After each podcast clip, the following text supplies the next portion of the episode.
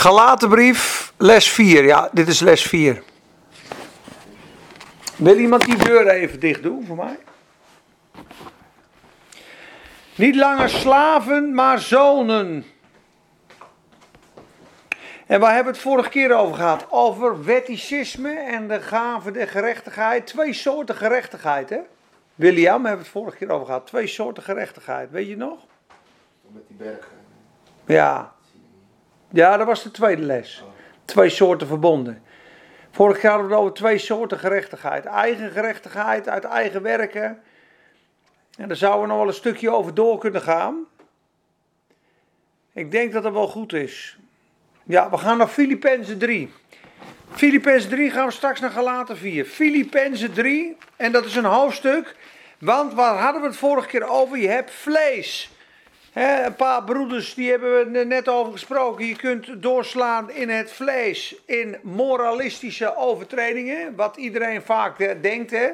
Je slaat iemand voor zijn kop, je bent dronken, je loopt te vloeken, je gaat eh, op seksueel gebied over de grens. Het is allemaal vlees, zeggen we dan. Dat is, is echt vlees, weet je wel, zonde. Maar je hebt ook godsdienstig, religieus vlees. Dat is precies hetzelfde. Een zwart pak aan, God dienen zonder de Heilige Geest, eh, vroom, schijnheilig. Eh, je gaat weg bij de kermis. Eh, Pietje, ja, ik was even een beetje, Pietje, Pietje, ik was vanmiddag een beetje boos. Hè? Pietje, maar niet op jou, hè, oude tijger.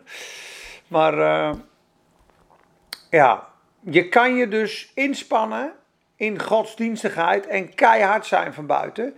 En Paulus gaat in Filippenzen 3 uitleggen hoe het voor de buitenkant perfect eruit zag en hoe ver hij ernaast zat. Hoe Paulus vroeger was toen hij Saulus heette. Toen was hij bij wijze van spreken in de ogen van veel kerken een hele goede christen. Ik ken zelfs jongens die gingen, die hebben meer dan eh, 40.000 euro van hun vader gestolen. Die gingen naar eh, seksclubs toen ze getrouwd werden. Die leefden in een streng gelovig gezin. Maar zodra dat allemaal maar binnen de perken was en je zet me twee keer in de kerk, dan kon het allemaal totdat hij dus de Heer Jezus vond. Toen werd hij uit de zaak ge- geworpen. Toen zei die pa, hoe kan het nou? Ik heb 30.000 euro van je gestolen. Ik heb mijn vrouw belazerd. Ik ben naar de hoeren gegaan. Nooit ben je echt boos op me geworden. Nu ben ik tot de Heer Jezus gekomen. En nu gooi je een deur tegen mijn rug aan en zeg je, vuile spotter. Maak dat je wegkomt. En dan werd hij de zaak uitgezet. Dan zie je de geestelijke strijd. Dat als je echt van het licht, naar, van het duister naar het licht gaat, dat je ruzie krijgt met de andere kant. Daarom zit er ook zo'n strijd op de doop. En daarom zit er ook zo'n strijd op evangelisatie. En dan denk je, wat is er nou toch aan de hand? Ja, de andere kant is daar krachtig op aan het torpederen. Daarom een moslim die op een gegeven moment voor Jezus koos in het buitenland, was ook niet zoveel aan hand. Dus is zijn familie, ja goed, Jezus staat ook in de Koran. Maar toen hij zich liet dopen, werd hij onthoofd. Ik heb het verhaal wel eens verteld, hè. Toen zei ze, waar slaat dit nou weer op? Vroeg iemand. Toen zei ze, omdat gisteren zei hij Mohammed en Jezus... Maar vandaag zei hij alleen Jezus en niet Mohammed. Want hij stierf aan het eh, islam door de doop. Toen hebben wij de familie eer gewroken op hem. Zijn hoofd moest eraf. Want hij zei alleen Jezus. Dat is het verschil, alleen Jezus. Er zijn heel veel godsdiensten die zeggen, ja, Jezus is een weg. Nee, hij is de weg, de enige weg tot de Vader. Maar het religieuze vlees kan er heel mooi uitzien. Ik sprak van de week zelfs nog iemand die zat ook vroeger in een soort sectarische beweging.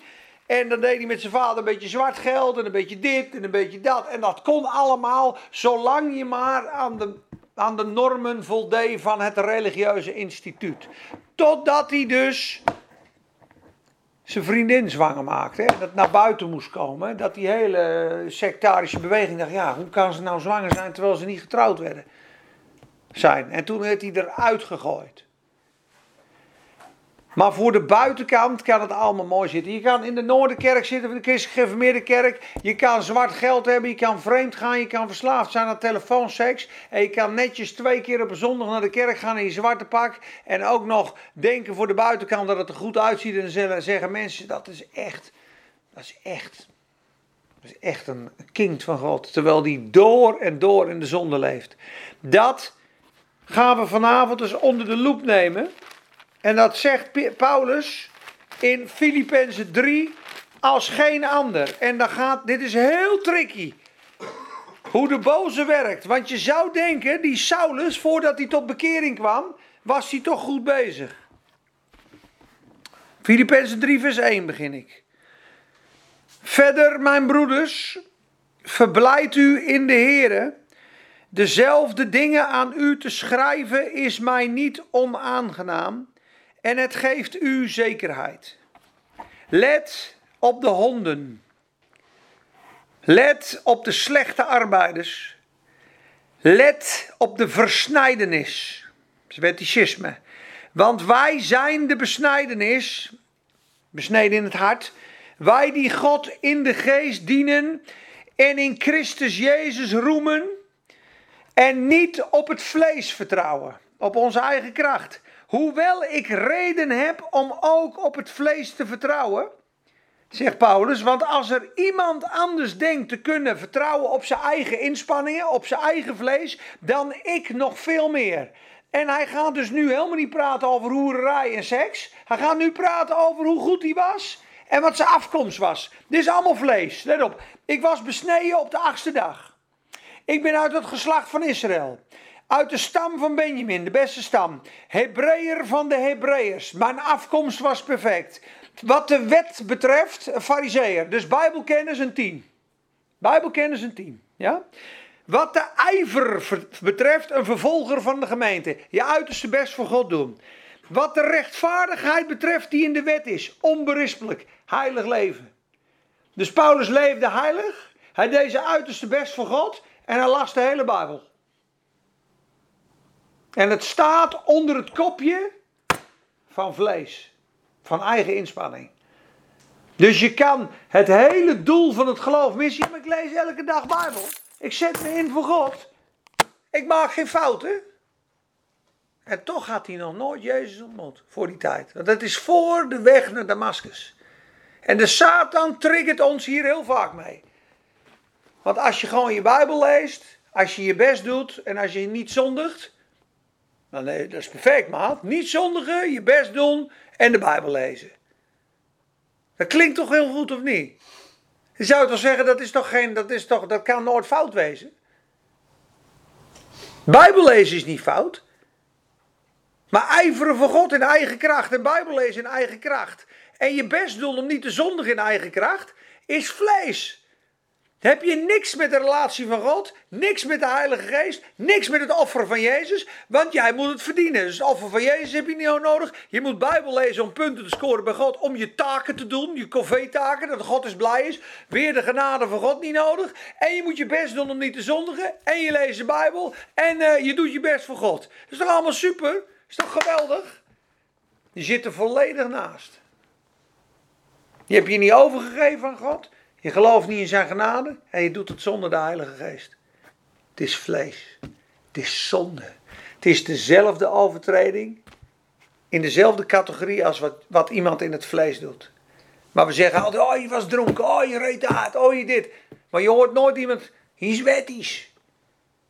Hij loopt in een zwart pak op zondag. Hij, hij oordeelt over een ander iemand. Ja, hij leest Bijbel, maar hij is keihard. Hij doet zijn best voor God, maar hij verwerpt de genade van God. Hij leest zijn Bijbel. Hij zondigt niet. Hij zondigt niet. Dat denk je zeker. Hij verwerpt de hele genade en het kruis van Jezus is in eigen kracht is die verstrengeld. Paulus was de grootste van de zondaren. Paulus in deze staat las de Bijbel, deze bed, best van God. Wat zegt hij wat ijver betreft? Een vervolger van de gemeente. Dit is iemand die mannen en vrouwen uit huizen sleurde en ze liet ombrengen bij zijn woord. Die roepen de naam van Jezus aan. Dat is tegen God en tegen zijn woord. En hij werd een moordenaar. Met de Bijbel in de hand. Misschien ken je dat, dat, die film 12 Years a Slave. Ken je die? 12 Years a Slave. Dan hebben ze op een gegeven moment gewoon donkere mensen als slaaf. Staan ze gewoon met de Bijbel in de hand, slaan ze die ruggen van die slaven kapot. Daar rachen gewoon. Zulke stukken vlees eruit. En één zo'n slavin die heeft dan 300 kilo katoen geplukt op een dag, een nieuw record. En de volgende dag is ze moe, heeft ze maar 170 kilo. Slaat hij er helemaal aan puin. En één keer gaat ze even een stukje zeep halen, omdat ze zo stinkt als vrouw. Slaat hij er helemaal aan puin. Met de Bijbel in de hand gebeurde dat vroeger. Want het is mijn eigen zin, eigendom en bezit. Dat is mijn slaaf, zei ze. Die heeft God mij gegeven als bezit. Daar mag ik mee doen wat ik wil. Als honden werden ze behandeld. Er zijn zelfs kerken, er zaten de slaven onderin. En dan liepen, de, ze schijnheilig over de roosters van de gevangenissen bij de kerk. Terwijl de slaven onderin zaten. Dus ergens in Zuid-Afrika is dat. Iemand heeft dat een keer verteld. Ik kan het niet precies vertellen. Maar de ingang van de kerk was over de gevangenis van donkere mensen. Die daar veracht werden. En ze liepen daar met de Bijbel in de hand. Kijk maar naar de Leviet die doorloopt bij de Samaritaanse. Uh, hoe heet die? Nee, hoe heet die? Bij de barmhartige Samaritaan. Die man die door rovers gepakt wordt. Wie gaat er aan de overkant voorbij? Een Leviet. Dat is een aanbidder. Wie gaat er aan de overkant voorbij? Een priester. Wat ging die doen dan in de tempel? Ja, offers brengen voor God. Ja, lekker offers voor God dan. Er ligt iemand te bloeden aan de, aan, de, aan de hoek van de straat. En wie helpt hem? Fasi. Was een Samaritaan in die tijd. Dat was gewoon Fasi. Die kwam langs. Serieus. Samaritanen waren gewoon... Uh, die hoorden er niet bij, zou ik maar zeggen. Maar die had barmhartigheid voor die man. Die deed olie en wijn in zijn wonden. En zei, hier is geld bij de herberg. Ik kom over drie dagen terug. Als hij nog meer geld opmaakt, ik betaal het voor hem. Hij was vol van barmhartigheid. Heb uw naaste lief als uzelf. Dus wat je vaak ziet met wettische mensen, vaak ziet, bijna altijd ziet, ze zijn liefdeloos, genadeloos. Want Paulus zegt, wat de rechtvaardigheid betreft die in de wet is, was ik onberispelijk. Toch was hij volledig verloren en moest hij tot inkeer komen op de weg naar Damascus. Handelingen 9, werd hij van zijn paard afgeslagen. Wie bent u, heren? Ik ben Jezus die u vervolgt. Vers 7. Maar wat voor mij winst was, wat ik dacht dat mij winst zou opleveren, heb ik om Christus wil als schade beschouwd. Ja, beslist. Ik beschouw ook alles als schade vanwege de voortreffelijkheid van de kennis van Christus Jezus, mijn Heer, om wie ik dat alles als schade ervaren heb. En ik beschouw het als vuiligheid, opdat ik Jezus Christus mag winnen. Hij zegt vier keer in één vers: schade, smerigheid, vuiligheid. Ik, be, ik, ik beschouw het alles als schade. Schade ervaren. Schade beschouwt, vuiligheid. Hij verwerpt al datgene wat hij vroeger deed in, in zijn godsdienstigheid om Christus te winnen. Dus die dingen die hij deed, ijverig de Bijbel lezen, ijverig God dienen, ijverig proberen niet te zondigen, waren blokkades om de genade van Jezus te vinden en om de kennis van Jezus te vinden. Het is veel makkelijker. God heeft alles al gegeven aan het kruis. Dat is de hele zegen van die gelaten brief. Wie heeft u betoverd, zegt hij in hoofdstuk 3, dat je de waarheid niet gehoorzaam bent? Jezus Christus die voor u gekruisigd is. De geest wordt gegeven door het geloof in Jezus Christus. Als je het geloof in Christus hebt, heb je alles. Maar nu zegt hij, kijk maar wat hij zegt in vers, in vers 9. Ik lees nog een keer vers. Ik lees nog een keer vers 7 en 8. Let op. Maar wat voor mij winst was, heb ik om Christus wil als schade beschouwd. Waar denk je dat hij nu over spreekt? Wat voor mij winst was. Alles wat je in 5 en 6 leest. Precies. Alles wat voor mij winst was. Dus mijn afkomst, mijn religieuze gedrag, mijn fariseeënschap, mijn zondeloze, heb ik om Christus wil als schade geacht. Rommel, opro oprotten met die troep, zei hij. Weg met dat wetticisme. Weg met dat dwangmatige lezen. Weg met dat ijs, ijs, ijs. En je best doen. Ja, beslist. Ik beschouw ook alles als schade. Vanwege de voortreffelijkheid van de kennis van Christus Jezus, mijn Heere. Om wie ik dat alles als schade ervaren heb. Derde keer. En ik beschouw het als vuiligheid vieze, smerige rommel. Vuilnis. Opdonderen. Uit mijn huis die vuilnis. Er komen ratten op af. Het stinkt. Het is eigen gerechtigheid. Eigen gerechtigheid is de grootste zonde, zeiden we, en de meest hardnekkige zonde waar je van verlost moet worden. Het is namelijk dat ik in ons, die zeggen, ik kan het doen zelf wel. Ik zondig er niet, ik zoek niet, ik ga niet naar de hoeren, ik kijk geen porno, ik rook niet. Ik ben het toch goed aan doen. Ik lees mijn Bijbel, kijk hun dan allemaal. Dat is de andere kant van de zonde. Dat is net zo zondig als dat je naar de hoeren gaat of dat je iemand een klap recht op zijn gezicht geeft. Dat is wetticisme, eigen gerechtigheid. En het is zo listig dat de Satan kijkt bij iemand. Kijk maar bij de zwarte kousen. De zwarte kousen zul je niet vinden bij de hoeren. Die gaan niet gokken, die gaan niet snuiven. Die gaan weg bij de kermis. Die kan Satan nooit pakken met hoererijen. Dus wat heeft hij op een gegeven moment gedacht? Weet je hoe we die gaan pakken? Met vroomheid, met godsdienstigheid, met veroordeling, met regeltjes. Die gaan we eventjes iets aars benaderen. Je mag niet dit op zondag. God is streng. Kijk die buurvrouw eens met de geblondeerde haar. Een Isabel. Weg met die mensen. Zo worden ze op een gegeven moment. Hard, koud, veroordelend. En weet je, als je dan zegt, is de genade ook voor jou? Oh, ik wou dat dat waar was. Oh ja, de Heer Jezus is voor jou gekruisigd. En je verwerpt dat. Dus Paulus was een grote zondaar. En voor de buitenkant was hij een topfariseer. Iedereen zei, god, dat is een topper. Die kent de hele Bijbel. Hij zat aan de voeten van Gamaliel. Beste student van de klas. Totaal verdorven. Want hij vermoordde de mensen die van Jezus hielden. Hoe ver kun je in de war zijn, hè? Hij beschouwde alles als vuiligheid, zodat ik Christus mag winnen. En in hem gevonden wordt. Niet met mijn eigen rechtvaardigheid, die uit de wet is, door geboden te houden. Maar nee, wij krijgen door het geloof in Christus rechtvaardigheid. Als een cadeau uit God, door middel van het geloof. God zegt gewoon, lieve jongen, stop met proberen. Ik heb jou gerechtvaardigd. Je hebt alle geboden al gehouden. Je hoeft helemaal geen geboden meer te houden. Je hoeft geen geboden meer te houden om mijn gunst te verdienen. Maar als mijn gunst in je hart is, zul je met vreugde in mijn geboden willen wandelen. Maar niet om punten te scoren. Maar gewoon omdat je hart niet meer wil. Je hart wil liefhebben.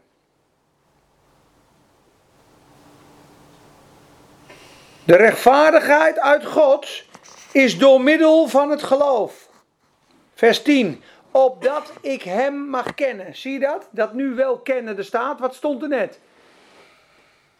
Alles heb ik schade geacht omdat ik hem mag kennen. Alles heb ik vuiligheid geacht omdat ik Christus mocht winnen. Toen heb ik mijn eigen rechtvaardigheid verworpen. Ik kreeg Gods cadeau van rechtvaardigheid.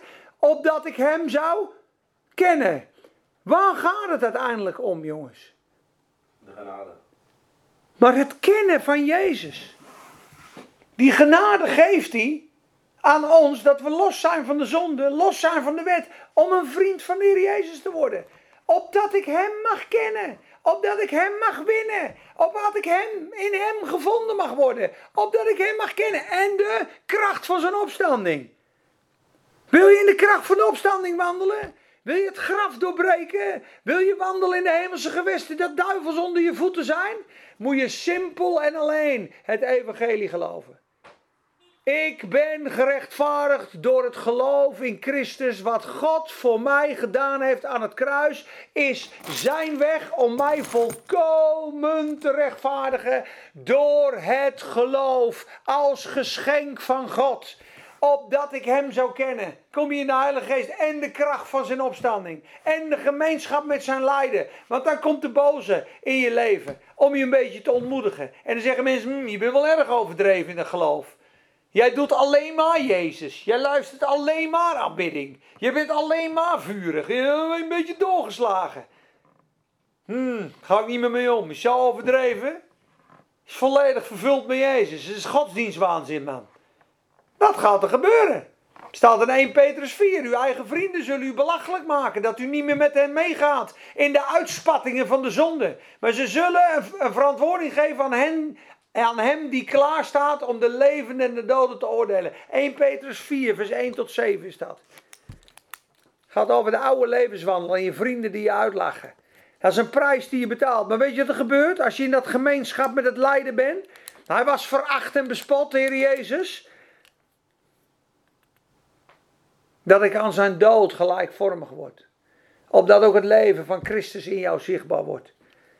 Om hoe dan ook te komen tot de opstanding uit de doden. Dit is de eerste opstanding. Weet je wat er met die mensen gebeurt? Die zal zichzelf overgeven aan de Heer Jezus. Zullen straks met hem duizend jaar regeren. Zegt de Heer, kijkers, dat is er een hoor. Een die-hard. Die gaf alles op voor mij. Die zei alleen Jezus. Alleen Jezus. Hij is het waard. En daarom zit hij nu op de troon. En regeert hij duizend jaar. Omdat hij zei, alleen Jezus. Dan moeten we allemaal komen, jongens, tot het punt dat het Christus is in alles. Heer, ik heb u nodig in de ochtend. Heer, ik heb u nodig met het ontbijt. Heer, ik heb u nodig met mijn werk. Heer, ik heb u nodig in mijn opvoeding. Heer, ik heb u nodig in alle dingen. Ken hem in al uw wegen en hij zal uw paden recht maken. Ik en jij komen op een gegeven moment op het punt dat we zo overtuigd zijn van die goedheid, die zegen, die blijdschap, die vervulling en die majesteit van Christus, dat de rest als vuilnis geacht wordt. Dat je wandelt in die zegen, dat je wandelt in het, vrijzetten van mensen, in het blij maken van mensen, dat je vrouwen als dochters van God gaat zien, dat je niet meer achter je eigen penis aanloopt, dat je niet meer de hele dag loopt te wijs doen, maar dat je gewoon afgestorven bent en zegt, Heer, Oh, wat ben u goed. Elke dag zie ik u zegen. Want wie zijn kruis opneemt dagelijks, die vindt het leven. Die krijgt de heerlijkheid van God. Hoe meer vervolging je krijgt, hoe meer heerlijkheid van God er over je uitgestort wordt. Hoe meer de zaad in jouw pest. En zal ik je een mooi vers geven, jongens? Hoe je groeit? Moet je een mooi vers zijn? Opvreten die handel. Dat is dat vers. Lees maar eens, nummer 14, vers 9. Zal ik je laten zien hoe je met de duivel om moet gaan. En je moet de duivel opvreten. Dat staat in de Bijbel. Dat hij nog nooit een prediker horen zeggen, maar dat staat er wel. Dan groei je door. Zodra jij de duivel verslaat en hem onder je voeten trapt, word je als een leeuw. Nummer 14, vers 9. Alleen kom tegen de Heeren niet in opstand. En u wees niet bevreesd voor de bevolking van dit land, onze vijanden, want zij zijn ons tot voedsel. Want hun schaduw is van hen geweken en de Heer is met ons. Wees niet bevreesd voor hen. Dat waren die grote reuzen van het beloofde land. Er stonden keeltjes van 6, 7 meter. Waar de verspieders van liepen te beven. Waarvan Joshua en Caleb zijn wat moelziel. Stelletje springkanen. Nummer 14, dat zijn die Egyptenaren. Welke boek? Nummer Nummer 14, vers 9. Zij zijn ons gegeven tot voedsel. Het staat bevestigd in Psalm 73, als ik het goed heb. 73, 74. Maar even naar iets verder. Even kijken, is dat 73 of 74? Even kijken.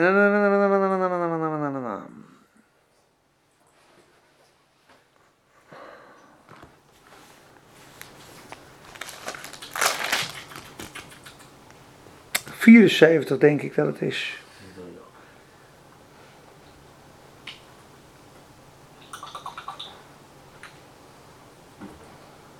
Ik ken het niet goed bij.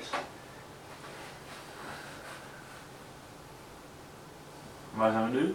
Ja, ik kijk even vers 4 in eh, Psalm 74. Hier al, zie je? Haha! Psalm 74, vers 14. Psalm 74, vers 14. Dat is een topper. Is 14. Wat staat daar? 74, hè? Ja, Psalm 74, vers 14. De koppen van de Levitiën verbrijzeld. U hebt hem tot voedsel gegeven. Tot voedsel gegeven. Dit zijn twee diamanten, die kom je nooit meer tegen hoor. In een prediking in de Bijbel hoor. Heb je dat ooit gehoord, dat de duivel je voedsel is? Moet je even zeggen, vreet op die handel. Vreet op die hand. Vreet op die handel. Geef aan. Vertrappen die ellendelingen. Het is je tot voedsel. Hey. Mooi hè, de Leviathan is gewoon de draak, is de Satan zelf. U hebt de koppen, de koppen van de Leviathan verbrijzeld. U hebt hem tot voedsel gegeven aan het volk in de woestijn. Geestelijk voedsel is het verslaan van de vijand.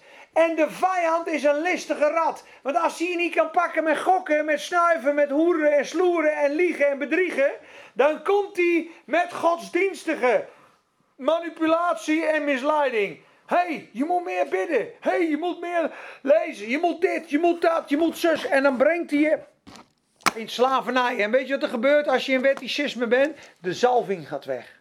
De vreugde gaat weg. Het geloof gaat weg. De genade ebt weg. Je wordt krachteloos, koud, wettisch, opgebrand en dan heb je een burn-out. En dan denk ik, ik doe zo mijn best. Ik vind het geloof niet eens meer leuk. Ik ben mijn uiterste best aan het doen. Waar is die zegen van God? En de Heer zegt, lieve jongen, je hoeft het helemaal niet meer te doen, jongen.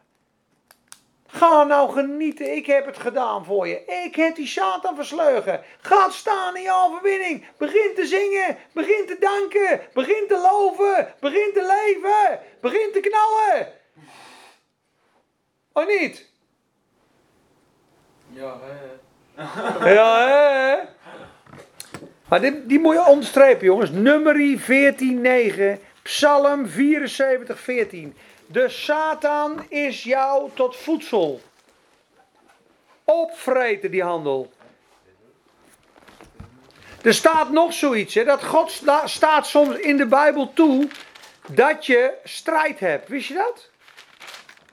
Waarom doet hij dat? Weet jij dat, waarom hij dat doet? De testen of zo. Waarom zou hij dat doen? Of eiwitten zou erin ik dacht- Een geestelijk eiwitje zat er ruim opvreten. zeggen. Ja, maar, dat, ja, maar dat bedoel, dat is de Bijbel. Nummer 3. Zijn kop eraf. Exodus 3 of nummer 3? Wat was het nou? Exodus 3. Exodus 3, heb ik dat goed? Exodus 3? Nee, ook niet. Sorry jongens, ik ben even aan het zoeken. Toch nummer 3 jongens. Dat dat er staat. Nummertje 3. Nummertje 3.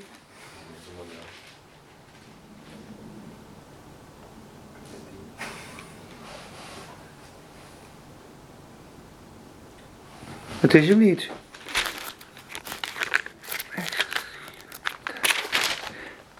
Richter 3 is het, sorry. Het is Richter 3, jongens. Richter 3 vers 1. Schiet me te binnen. En als dat er niet is, dan, krijg ik, eh, dan heb ik het fout hoor. Richter 3? Ja! Dit is hem hoor. Richter 3. Richter de drie? Je hebt ook al plakplaatjes op je armen nou. heb je geen dakplaatjes. Dat ziet er niet uit, hè? Dit nu zijn de volken die de Heere liet blijven om Israël door hen op de proef te stellen. Dat wil zeggen alle Israëlieten die niet wisten van de oorlogen die Israël met Canaan gevoerd had. Alleen opdat de jonge generaties van de Israëlieten daarvan zouden weten om hun de oorlog te leren. Alleen hun die er van tevoren niet van wisten. Dus God liet speciaal volken over om degenen die de strijd nog niet geleerd hadden, tot overwinning te brengen. Dus God kan toestaan in jouw leven dat je beproefd wordt om je sterker te maken in de geest. Welk vers is dat? Dit is Richteren 3, vers 1 en 2. Vers 1. Dus God kan jou beproeven om je sterker te maken. Dus als je nou een moeilijke situatie hebt, zie het dan als een uitdaging. God wil altijd dat je groeit. God wil altijd je zegenen. God wil altijd dat je doorbreekt. God wil altijd dat je toeneemt. Zijn genade en zijn zegen stoppen nooit. Maar jij kan wel de groei stoppen door je houding, door te gaan murmureren, net als de Israëlieten in de woestijn. Donderen hebben we nog geen vlees als in Egypte. Kijk dan, zijn we weer bij dat bittere water. Komt hij weer aan, Mozes met zijn staf. Varige. En daar gingen ze.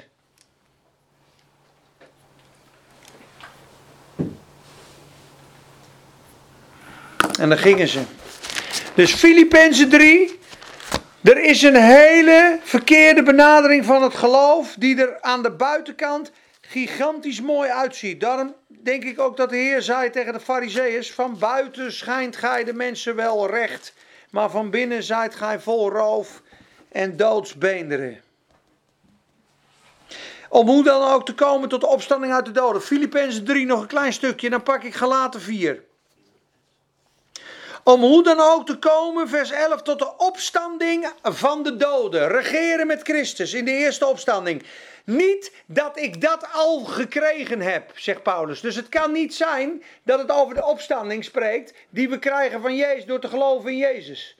Want de Bijbel zegt, wie met Christus gestorven is, zal ook met hem leven. Wie met hem gekruisigd is, zal ook met hem worden opgewekt. Klopt toch? Hier zegt Paulus, ik heb die opstanding nog niet ontvangen. Maar dat kan natuurlijk niet, want dat hebben we al wel ontvangen. Maar eigenlijk staat hier in de grondtekst, staat, opdat ik enigszins zou mogen komen to die out resurrection. De tussenuit opstanding. Dat is de eerdere opstanding. Daar spreekt openbaring 20 over. Zalig en hij is zalig en gezegend is hij die deel heeft in de eerste opstanding. Hij zal duizend jaar met Christus regeren. Over zulke heeft de tweede dood geen macht. Zij zullen met Christus regeren, duizend jaren lang. Dat zijn de diehards.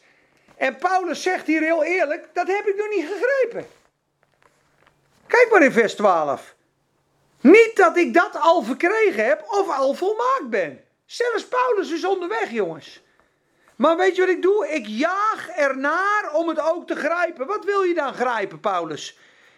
Ik wil begrijpen waartoe ik ook van Christus gegrepen ben. Hij wil verstaan waarom het God me nog een keuze. Waarom houdt hij dan van me? Waarom stierft hij dan voor me? Een vervolger van de gemeente. Wat is dan zijn hart en zijn glorie dat hij daarvoor een keuze heeft? Broeders, ik denk zelf dat ik het nog niet gegrepen heb. Hij is onderweg, maar één ding doe ik. Ik vergeet wat achter mij is. Dat moeten jullie en ik allemaal doen. We vergeten wat achter ons is. We strekken ons uit naar wat voor ons is. En we jagen naar de prijs van de roeping van God die van boven is in Christus Jezus. De prijs van de roeping van God die van boven is. Dus als christen hebben wij nog een mooie race te lopen en een strijd te leveren. Niet om de hemel te halen. Nee, maar om rijk in de hemel binnen te komen. Je bent als kind van God gekocht en betaald uit genade. En je bent zijn kind. Maar Paulus zegt, joh, er is iets wat ik nog niet gegrepen heb. Wat heeft hij nog niet gegrepen? Hij is nog niet volmaakt. Hij heeft nog niet gepakt waarom hij van Jezus gegrepen was. Hij groeit nog. En de prijs van de roeping in Christus Jezus. Dat hij Jezus mag winnen. Dat hij zo vol van Christus is. Dat hij zo vol overtuiging en overwinning daarboven komt dat hij daar staat als grote overwinnaar. Ik heb met Christus op aarde gewandeld in volle bestemming. Ik heb die Satan onder mijn voeten geramd. Ik was een vader voor mijn kinderen. Ik heb mijn nederigheid in Christus gevonden. En ik heb vrucht gedragen tot het eeuwige leven. Ik had vijf talenten. Ik heb er vijf bij, heren. Is mooi. Hij zou aankomen. Of moet je op het laatste moment op je sterfbed zeggen: Ja, het was wel een tijdje verkeerd met me, maar Heer, wees. Ik ben gered, maar het is geen overwinnende strijd. Snap je wat ik bedoel? Je kunt de hemel nooit verdienen, maar je kunt wel als verliezer van de Satan hier je leven op aarde leven. Dat je geknecht bent door hem, dat je geduld wordt door je emoties, geduld wordt door de wereld, geduld wordt door je keuze en je houding. En dat je over tien jaar eigenlijk niet tot volle bloei komt. Tuurlijk houdt God van je. Tuurlijk blijft zijn verblond bestaan. Maar het is niet de ideale situatie die hij voor jou voor ogen heeft. God wil dat jij tot volle potentie komt. Dat alle gaven en talenten die hij jou gegeven heeft, tot eer van hem, tot volle schittering, tot volle bloei, tot volle wasdom komen. Dat je groeit en groeit en groeit en groeit. En dat iedereen kan zien, God leeft in die man. God vruchten zie ik in die man. Kijk zijn blijdschap. Kijk zijn geloof. Kijk zijn vrijmoedigheid. Kijk zijn rechtvaardigheid. Kijk eens hoe die doorbreekt. Dit is hoe God hem bedoeld heeft. Hij is me tot zegen. Hij brengt me vreugde. Hij is vol van wijsheid. Hij is net als Stefanus. Vol van de Heilige Geest en van wijsheid. En deed vele wonderen onder het volk. En wat gebeurde er met Stefanus? Hoe krijgen ze het voor elkaar, hè? En wie stenigde hem? De mensen De Fariseeërs met de Bijbel in de hand. En Paulus stond erbij. Doe me de kleren maar van jullie die hem doodgegooid hebben. Die wil ik als aandenken. Dus de mensen die Stefanus doodgooiden met stenen, daar wou Paulus de kleren van hebben als aandenken. Zo ver was hij heen. Daarom moest God hem blind slaan van zijn paard. Saal, Saal, waarom vervolgt u mij? Zie je hoe verblind je kan zijn, zelfs in godsdienst? Lees Filippenzen 3 maar eens, want de listigheid van de Satan hier in Spakenburg over de mensen die niet in grote zonde leven, is godsdienstigheid en religie. Geen volwassen doop. Geen doop in de Heilige Geest. Geen wedergeboorte. Bijna niet aan het avondmaal. Eh, Formule 1 kieken, een beetje natuurlijk leven. Maar wel twee keer naar de kerk. Ja. En de ouderlingen ben blij hoor. Want je zit er twee keer. Als het maar voor de vorm is. Hè. Hij er maar twee keer zitten jongen. Maakt verder niet uit waar je dan bent. Hè? Is dat het overwinnende leven? Is dat vol van genade? Is dat het kruis vieren? Is dat mensen tot geloof brengen door de naam van de Heer Jezus? En staan en bidden en strijden? En overwinning? Is dat het dan? Wat God behaagt? Maar je zat er wel, hè, twee keer zondag. Hey. Goed gedaan, jongen. Je bent niet zoals de hoeren en de tollenaars en de snuivers in Spakenburg. Je gaat op zondag in ieder geval niet fietsen. God is wel heel blij met jou, hoor. Denk ik. Nou, je kan niet verder van God verwijderd zijn. Je kan niet verder van God verwijderd zijn. En er er duizenden hier in het dorp hoor. Er er duizenden. In de binnenkamer. Een natuurlijk leven. Vervreemd van het leven van God. Maar een vorm en een ritueel en een godsdienst op zondag. En hoeveel religies zijn er? Waar mensen bidden en staan en doen. Maar God nooit gevonden hebben. En het wonder van het kruis niet gevonden hebben. En het leven en de opstanding niet gevonden hebben. Jullie zijn allemaal uitverkoren en gezegend dat dat ontdekken hoor, op zo'n jonge leeftijd. Dat God je het openbaart. Ik ben een zondaar. Ik kom in je wonen. Ik geef je eeuwig leven. Jullie zijn geen slaven meer. En dan gaan we beleiden, jongens, lekker in Galaten 4. En dan sluiten we het af. Maar kijk eens wat een zegening in Galaten 4, vers 1 tot 7. Dit wat we nu net behandeld hebben was de negatieve kant van de rechtvaardigheid van God. Hoe het niet moet. Nu zie je wat God gedaan heeft in deze zinnen. En elke keer als we de positieve mooie kant lezen ervan, gaan we dat hardop gewoon zeggen. We gaan dit ontleden, dit stukje. En elke keer als er iets staat wat God zegt over jou en over mij, dan gaan we dat hardop zeggen. Is dat goed? Ik lees, ja top, top maat. Ik lees eerst even de zeven versen. En dan gaan we stap voor stap door die versen heen. Dit is superrijk dit. Er staat boven niet langer slaaf, maar kind. Maar er staat eigenlijk zoon. Niet langer slaaf, maar zoon. Daar beginnen we al straks mee.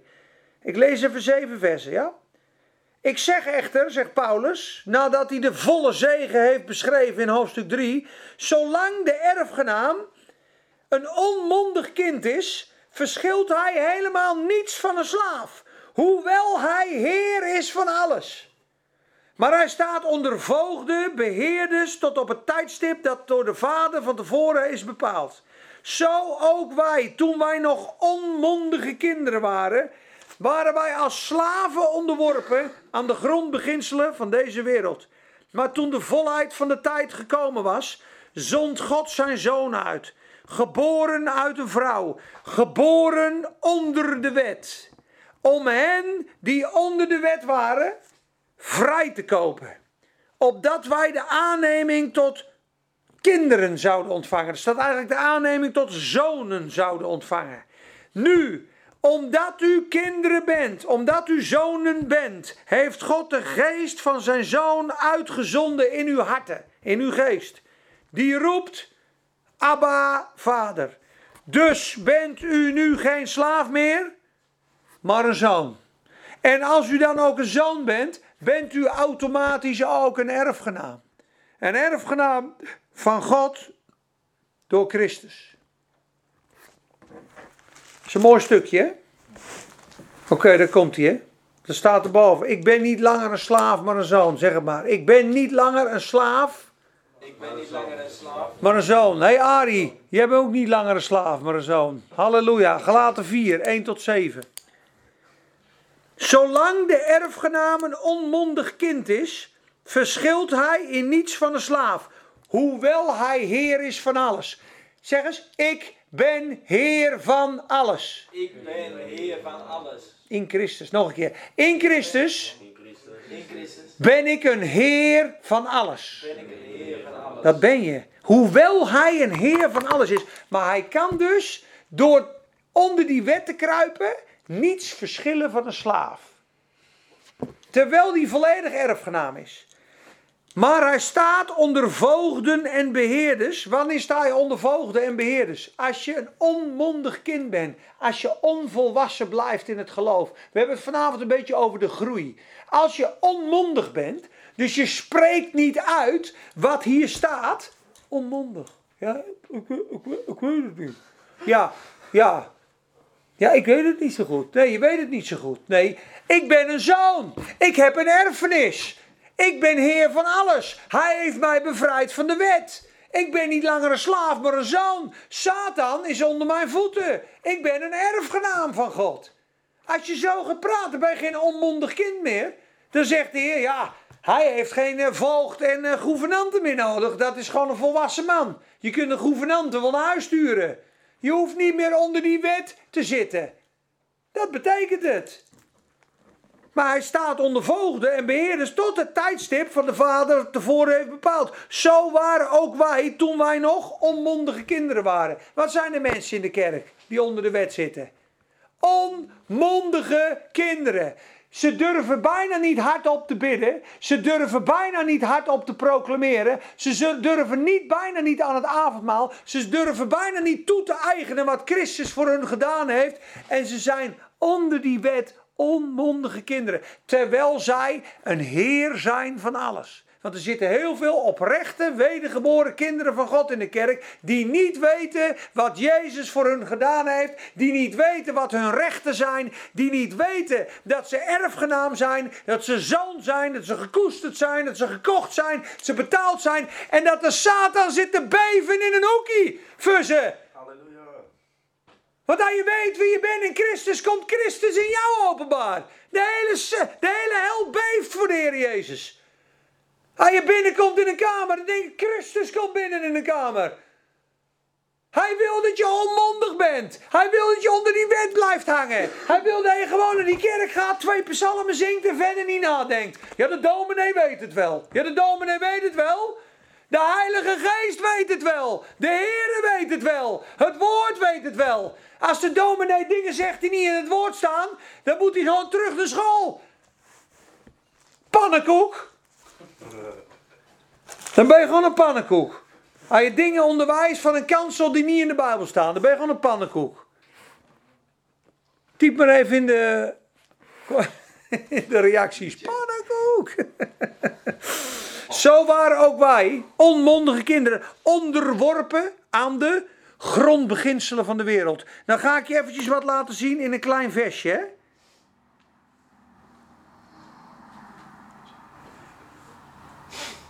Wacht even, wacht even, wacht even, wacht even. Ja, als je nou naar vers 9 gaat, dan gaan wij laten zien dat de wet de arme, zwakke grondbeginselen zijn. Kijk, vers 9.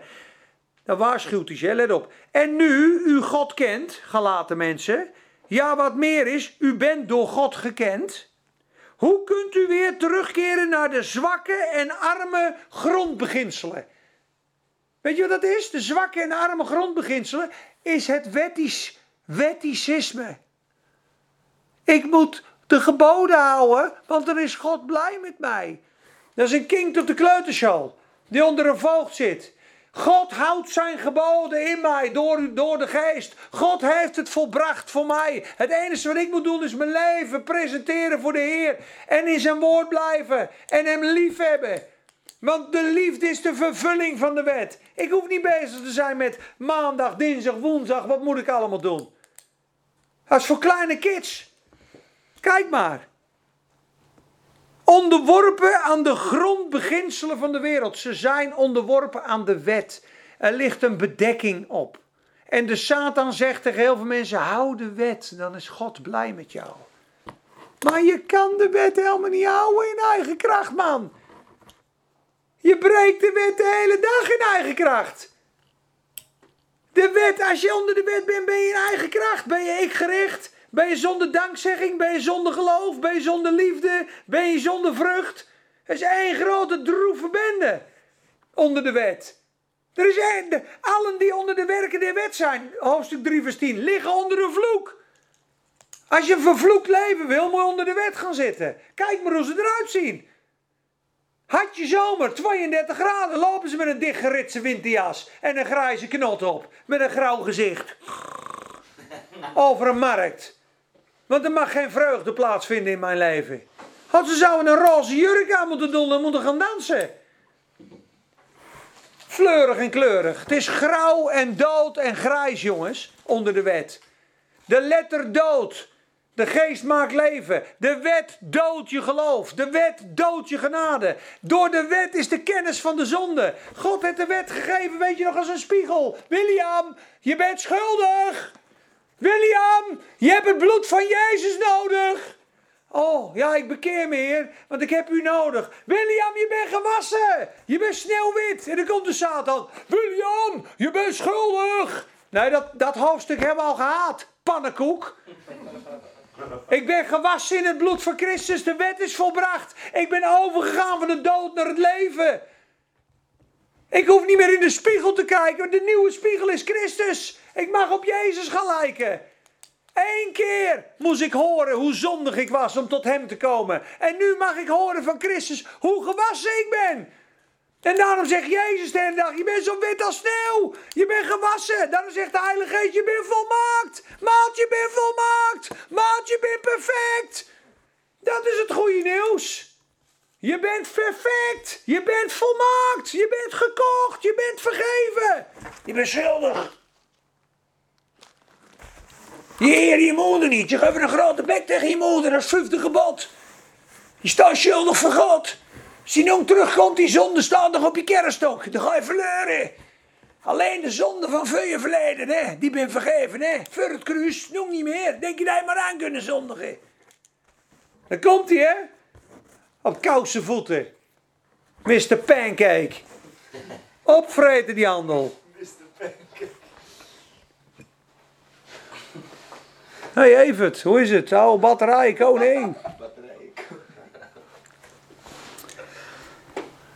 Maar toen de volheid van de tijd gekomen was, Golgotha, en de geboorte van de Heer Jezus, zond God zijn zoon uit, geboren uit een vrouw, geboren onder de wet, om hen die onder de wet waren vrij te kopen. Zie je dat? Dat Jezus gekomen is om ons te verlossen van de wet. Dus nu gaan we zeggen, dank u Heer, Dank u, Heer. ik ben verlost van de wet. Ik ben verlost van de wet. Ik ben bevrijd van de wet. Ik ben bevrijd van de wet. Ja, dat is lekker. Verlost van de wet. Bevrijd van de wet. Dat staat er. En nu, omdat u kinderen bent. Oh nee, wat staat er achter hier? Om hen die onder de wet waren vrij te kopen. Opdat, opdat wij de aanneming tot kinderen zouden ontvangen. Zie je dat mensen die onder de wet zijn, gebonden zijn in de zonde, dat ze de aanneming van de kinderen van God niet kunnen ontvangen? Dat die Satan hen blokkeert met die wet, want elke keer staat die wet ervoor. Hij kan niet naar God. Je bent niet goed genoeg. Je bent niet goed genoeg. Je bent niet goed genoeg. Je bent niet goed genoeg. Je kan God niet kennen. Je bent geen zoon. Je bent een slaaf. En dan zegt God ineens: Nee, je bent bevrijd van die wet, joh. Hey, je mag komen. Je bent een zoon. Nu kan je mij kennen. Nu komt de genade. Ik geef je een geschenk. Zo listig is die Satan. Met iets goeds van God komt hij je zegen roven. hey, de Bijbel. Is goed. Hè, de Bijbel is goed, ja. Maar als we hem lezen zonder God en zonder Gods geest, doodt het mij. Daarom zegt Romeinen 6, Romeinen 7, de zonde, de listige zonde, de, persoon, de personificatie van Satan is de zonde, heeft door het gebod mij verleid en mij gedood. Lees het maar eens, Romeinen 7. De listigheid van de zonde heeft mij door het gebod verleid. Hé, hey, je mag niet begeren. Je begeren. Je moet stoppen met begeren. Dan ben je de hele dag bezig. Niet kijken naar vrouwen, niet kijken naar vrouwen, niet kijken naar vrouwen, niet kijken naar vrouwen. En dan heeft hij al. Niet kijken naar vrouwen, dat wordt twintig keer zo sterk. Ik ben als een magneet. Aan het eind van de week verkracht je de vier in de weiland.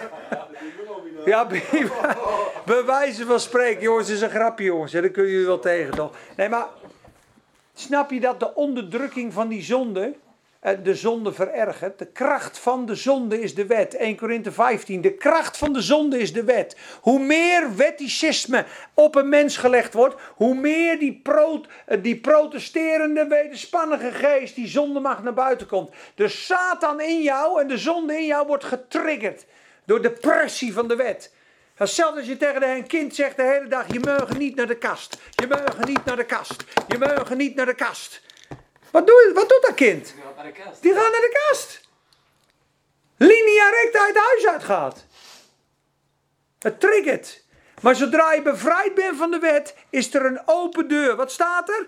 Opdat wij de aanneming tot kinderen zouden ontvangen. Je kan het zoonschap niet ontvangen zolang je nog onder de wet zit. Gaan we ook zeggen deze. Ik kan het zoonschap niet ontvangen kan het zoonschap niet ontvangen. zolang ik nog onder de wet zit. Zolang ik nog onder wet zit. Ik ben bevrijd van de wet, opdat ik het zoonschap zou ontvangen. dat ik het zoonschap zou ontvangen. En nu, omdat ik een zoon ben, heb ik de geest ontvangen. ik heb de geest ontvangen. Die zegt Abba. Die zegt Vader. Amen. Ik ben geen slaaf meer. Ik ben een zoon. Ik ben een zoon. En omdat ik een zoon ben, ben, ik ook erfgenaam. En omdat ik erfgenaam ben, heb ik alle prijzen. Ha, lekker! Dat is hem hoor. Dat is hem. Lekker. Dit is het goede nieuws, Fasi. Het is zo kinderlijk eenvoudig dat alle fariseeërs hier moeite mee hadden. Dat is te makkelijk. Dat alle mensen die persen en hun godsdienst doen zeggen dat kan niet. Het kan niet dat God zo groot is, in een mens komt en ons uit genade vergeeft. Dat kan niet. Maar het is het evangelie. Het is zo'n simpele boodschap dat ze, de Joden stoten zich aan de simpelheid van het evangelie. En de Grieken stoten zich aan de eenvoudigheid van het evangelie door hun wijsheid. Het staat in 1 Korinthe 1, lees maar eens thuis. De Grieken. Ik zal het lezen, even kort. 1 Korinthe 1, daar eindigen we mee. 1 Korinthe 1 gaat over de simpelheid van het evangelie. Hoe wij als een kind moeten geloven. Als je ooit vastloopt, ik ken iemand die liep wel eens vast in zijn leven. Hij zei, weet je wat ik dan doe? Dan ga ik naar 1 Korinthe 1. En als ik nou naar 1 Korinthe 1 ga, dan kom ik weer helemaal in vuur en vlam te staan. Dat is net of er een resetknop is in het geloof. 1 Korinthe 1. Die vertelt tegen die Corinthiërs, die vleeselijke Corinthiërs, die ruzie hadden in de kerk, die dronken aan de avondmaalstafel zaten, die met tempelhoeren bezig waren, die allerlei dingen aan het uithalen waren. Daar begint hij, ik dank mijn God vanwege de genade van God die u gegeven is. Daar begint hij in vers 4, dat u in alles rijk geworden bent. Nou, lees dat hoofdstuk thuis maar eens, maar moet eens kijken in vers 18. De wijsheid van de wereld en de wijsheid van God. Dit is het evangelie waar niemand iets mee kon in die tijd zonder dat ze geloofden als een kind. God heeft het aan kindertjes geopenbaard.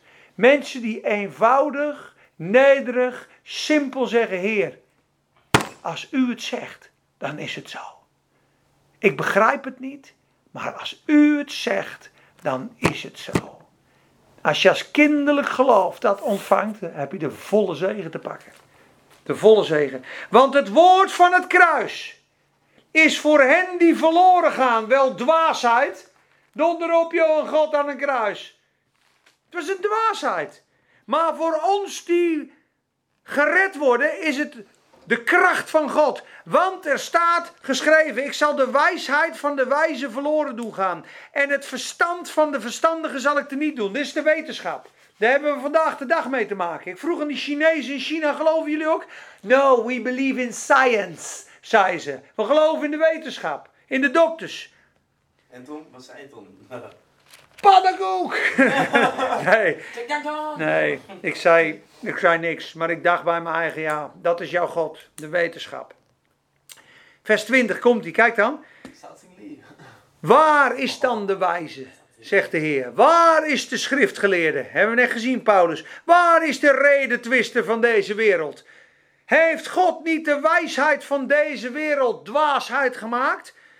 Want omdat in de wijsheid van God de wereld door haar kennis en wijsheid God nooit heeft leren kennen, heeft het God behaagd door de dwaasheid van prediking mensen te redden die geloven. Door de dwaasheid van prediking. Dat je op, het, op de straat staat, de Heer Jezus Christus is voor u gekruisigd.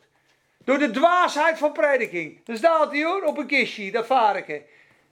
Maar wie hem gelooft, werd een kind van God. Want omdat in de wijsheid, want omdat in de wijsheid van God de wereld door haar wijsheid of kennis God nooit heeft leren kennen, heeft God het behaagd door de dwaasheid van prediking zalig te maken hen die geloven. Immers, de Joden vragen om een teken. Laat dan zien dat je God bent. En de Grieken zoeken wijsheid. Spectaculair moeilijk moet het zijn. Maar wij echter preken Christus de gekruisigde. Weet je wat het antwoord was? Voor de Joden een struikelblok. Jezus aan een kruis, Gods zoon aan een kruis. Dat zou God nooit doen. Dat kan niet. Voor de Grieken een dwaasheid. Houd toch op joh. Is dat de redding van de wereld? Dat er iemand aan een kruis hangt? Is dat het? Het is de redding. Maar voor hen die geroepen zijn, zowel Joden als Grieken, preken wij Christus, de kracht van God en de wijsheid van God. Weet je wat de kracht van God is? Christus aan het kruis. Weet je wat de wijsheid van God is? Christus aan het kruis. Want hij zegt namelijk, want het dwaze van God, hey, het dwaze van God, is zijn zoon aan een kruis, is wijzer dan de mensen. En het zwakke van God, wat is het zwakke van God? Het lam aan het kruis in zwakte gekruisigd, is sterker dan de sterkte van de wereld. Want het dwaze van God is wijzer dan de mensen en het zwakke van God is sterker dan de mensen. Zie je, let namelijk op uw roeping, broeders. Er zijn onder u niet veel wijzen naar het vlees. Heel veel slimme professors die het evangelie brengen. Je hoeft geen professor te zijn om vervuld te zijn van de Heilige Geest. Niet veel machtige, niet veel aanzienlijke. Maar het dwaze van de wereld heeft God uitverkoren. Gekke pingwings die vol zijn van de Heilige Geest. Om de wijze te beschamen. En God heeft het zwakke van de wereld uitverkoren. Om de sterkte te beschamen. Ik ken mensen die zijn vol van God. Die schudden de wereld. En in hun eigen zijn ze instabiel en zwak. En denk je van ja, dat, dat, dat, ja, die zou bijna niet kunnen functioneren in de maatschappij op die manier. Maar ze zijn vol van de Heer Jezus. Want God heeft het onaanzienlijke van de wereld en het verachten heeft God juist uitgekozen om hetgene wat iets, iets is te niet te doen. Hoogmoed, opdat geen vlees voor hem zou roemen. Opdat niemand zou zeggen, donder, ik heb het zelf gedaan. Sorry voor mijn woorden hoor, sorry. Maar uit hem bent u in Christus Jezus. God heeft jou gekozen. Die voor ons geworden is. Wijsheid van God. Gerechtigheid, heiliging en verlossing. Opdat het zal zijn zoals geschreven is. Wie roemt, wie juicht, laat die juichen in God. Het is allemaal gegeven uit God. En het is zwak voor de wereld, het is dwaas voor de wereld. Maar voor jou die gelooft, is het de kracht van God. De prediking van het kruis is de kracht van het evangelie. Amen. Amen, jongens.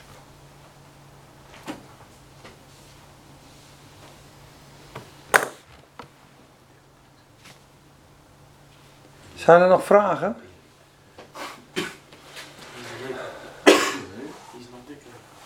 Ja, ik heb een beetje een algemene vraag, denk ik. Eh, wa- waarom heeft God eh, de duivel gecreëerd? Hele goeie. De duivel is geschapen als aanbiddingsengel. Hij had vroeger het werk van zijn pijpen en zijn trommelen was met u. En u was omkleed met elk mooi gesteente. Hij leidde de aanbidding op aarde in het paradijs. Hij was een aanbiddingsengel. Je had Gabriel, Michael en Lucifer, de drie opperengelen. Gabriel is de engel van de boodschap van God. Michael is de beschermengel van God, waar staat wie is als God. Die beschermt de glorie. En hij had El niet in zijn naam, Lucifer, lichtdrager was zijn naam. Tot de dag dat er ongerechtigheid in u gevonden werd en u uzelf aan de Allerhoogste wilde stellen. Hij is hoogmoedig geworden en hij wilde worden als God. En God heeft hem toen verstoten. En toen is hij de Satan geworden. Is hij de grote verleider en vijand en misdadiger geworden. En toen heeft God gedacht, luister, dan gebruik ik hem om mijn volk te zuiveren, om mijn volk te laten groeien. En hij zal onder de voeten van mijn volk komen. Want God heeft bepaald dat Satan onder jouw voet zal komen. God heeft bepaald dat door die kinderen, door ons, gaat de Satan verslagen worden. Wij gaan de Satan verslaan. Dat is de grote getuigenis. Zoals jij tot Christus gekomen bent en Satan versloeg en in de geest opgewekt bent en in de hemelse gewesten zit, zo moet je in je ziel en je leven ook het kruis op je nemen, Satan verslaan en vanuit de hemelse gewesten gaan opereren. Dan is jouw getuigenis ten vol tot volle bloei gekomen en ben je een meester van de duivel. En dan kan iedereen zien, kijk, Satan is onder zijn voeten. God wil door ons heen de Satan vernederen. Hij kan hem nu zo oprollen. Hij kan hem zo wegpoffen. Hij zit het, de hele hel. Maar God heeft gekozen om het door ons heen te doen. Jezaja 54 zegt, de smid blaast de kolen in het vuur. Zie, ik heb de smid gemaakt. Staat in de Bijbel, hè?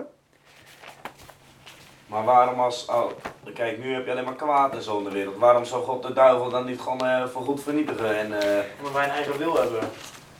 ja, maar... Dan, dan, Nu- dan, dan- hij gaan De mensen geven de Satan de ruimte. Satan heeft nul macht. Elke macht die de Satan heeft, heeft hij ergens in een mensenleven zich ingeworteld. Hij, kan, hij is een geest, hè? hij kan zich alleen maar manifesteren door een lichaam. Zoals de Heilige Geest jou nodig heeft om door jouw lichaam te manifesteren, zo heeft Satan al zijn poppen. Hitler was Satan eh, demonisch belast. Saddam Hussein, alle wereldrijders zijn de bijna duivelaanbidders. Satan heeft helemaal geen macht. Als wij naar God zouden gaan, zou hij al gelijk onder onze voeten zijn. Wat wat doet goed of slecht voor God zelf als wij goed of slecht doen? Wat zeg je? Zeg maar, wat doet het goed of slecht voor God wij iets goeds zeg maar, in deze wereld zeg maar, Nou, weet je, het is, de Bijbel zegt dat wij allemaal van nature het goede, het echte goede niet kunnen doen. Het lijkt in menselijke ogen wel goed, maar dan krijg je dat verhaal van Paulus. Je leest je Bijbel, je probeert niet te zondigen, je doet de Ramadan, je bidt, je, je probeert een net persoon te zijn. Daar zit wel een bepaalde vorm van menselijke goedheid in, maar naar de maatstaven van Gods goedheid schiet het tekort. De Bijbel zegt eigenlijk: al jullie rechtvaardige daden zijn voor mij als een bebloed wegwerpelijk kleed. Sorry, als ik heel eerlijk moet zijn, zegt de Heer, met mijn heiligheid en met hoe jullie leven, dat is allemaal onvoldoende. Daarom moest ik sterven aan een kruis. Daarom heb je mijn geest nodig. Daarom heb je een nieuw hart nodig. Je hebt eigenlijk een nieuwe motor nodig. Hetzelfde als je op je fiets bent en je moet meedoen met de Formule 1 race. En je zegt, ja maar ik fiets zo hard, ik ben er 60 km per uur aan het halen. En zegt iemand, nee vriend, je kan maar meedoen aan die race tenzij je een auto hebt. En zo komt Gods geest in ons wonen en bekrachtigt ons. Dat wij kunnen doen wat God van ons vraagt. Echte onbaatzuchtige liefde, echte nederigheid, echte, echte puurheid komt alleen maar van Gods geest vandaan. Dat durf ik te beweren. Tuurlijk heb je positieve, joviale, lieve mensen op aarde. Maar als wij positieve, joviale, lieve mensen waren, en we hadden geen probleem met God, had nooit Jezus Christus gekruisigd hoeven te worden. Dan had God gezegd, zijn positieve, joviale, lieve mensen. Ik ben barmhartig, kom maar. Maar waarom moest God nou zijn zoon sturen aan het kruis? Omdat er geen enkele mogelijkheid was om terug te komen bij God na de zondeval. Omdat wij allemaal corrupt en vergiftigd geworden zijn door egoïsme en zonde. Dat zondeprobleem was de dood in ons. En dat element van de dood zit in de hele mensheid. En God zei, joh, ik kan ze sterven. Ze gaan dood.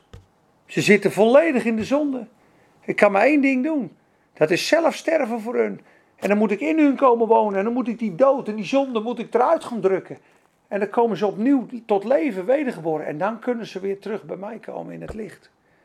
Daarom moest God die reddingsoperatie doen, Fasi. Anders had hij nooit zijn zoon hoeven sturen. Als het, als het niet zo slecht was met ons. Waarom heeft God de mens gecreëerd? Gecreëerd. Om zijn liefde te delen. Voor de zondeval was het goed. God wilde gewoon kinderen. God had engelen. God had machten, God had wonderen, maar God had niet een wezen die zelf kon kiezen om hem lief te hebben en hem, hem te erkennen als vader en als God. Dat mensje kon hem afwijzen. Als die mens hem nou niet af kon wijzen, was het een robot. Had hij iemand geschapen, ja, die is altijd aardig, die is altijd aan het eren. Er zit nul waarde zit daarin. Dat is hetzelfde als we jou een robot als vrouw geven. Denk je ook, ja, sorry, ze doet alles ik zeg, maar er zit geen liefde en passie bij. Maar als dat mensje mijn liefde ziet en daarvan drinkt. En dan uit vrije wil mij ook eert en lief hebt. Als vader, als bruid, als bruidegom.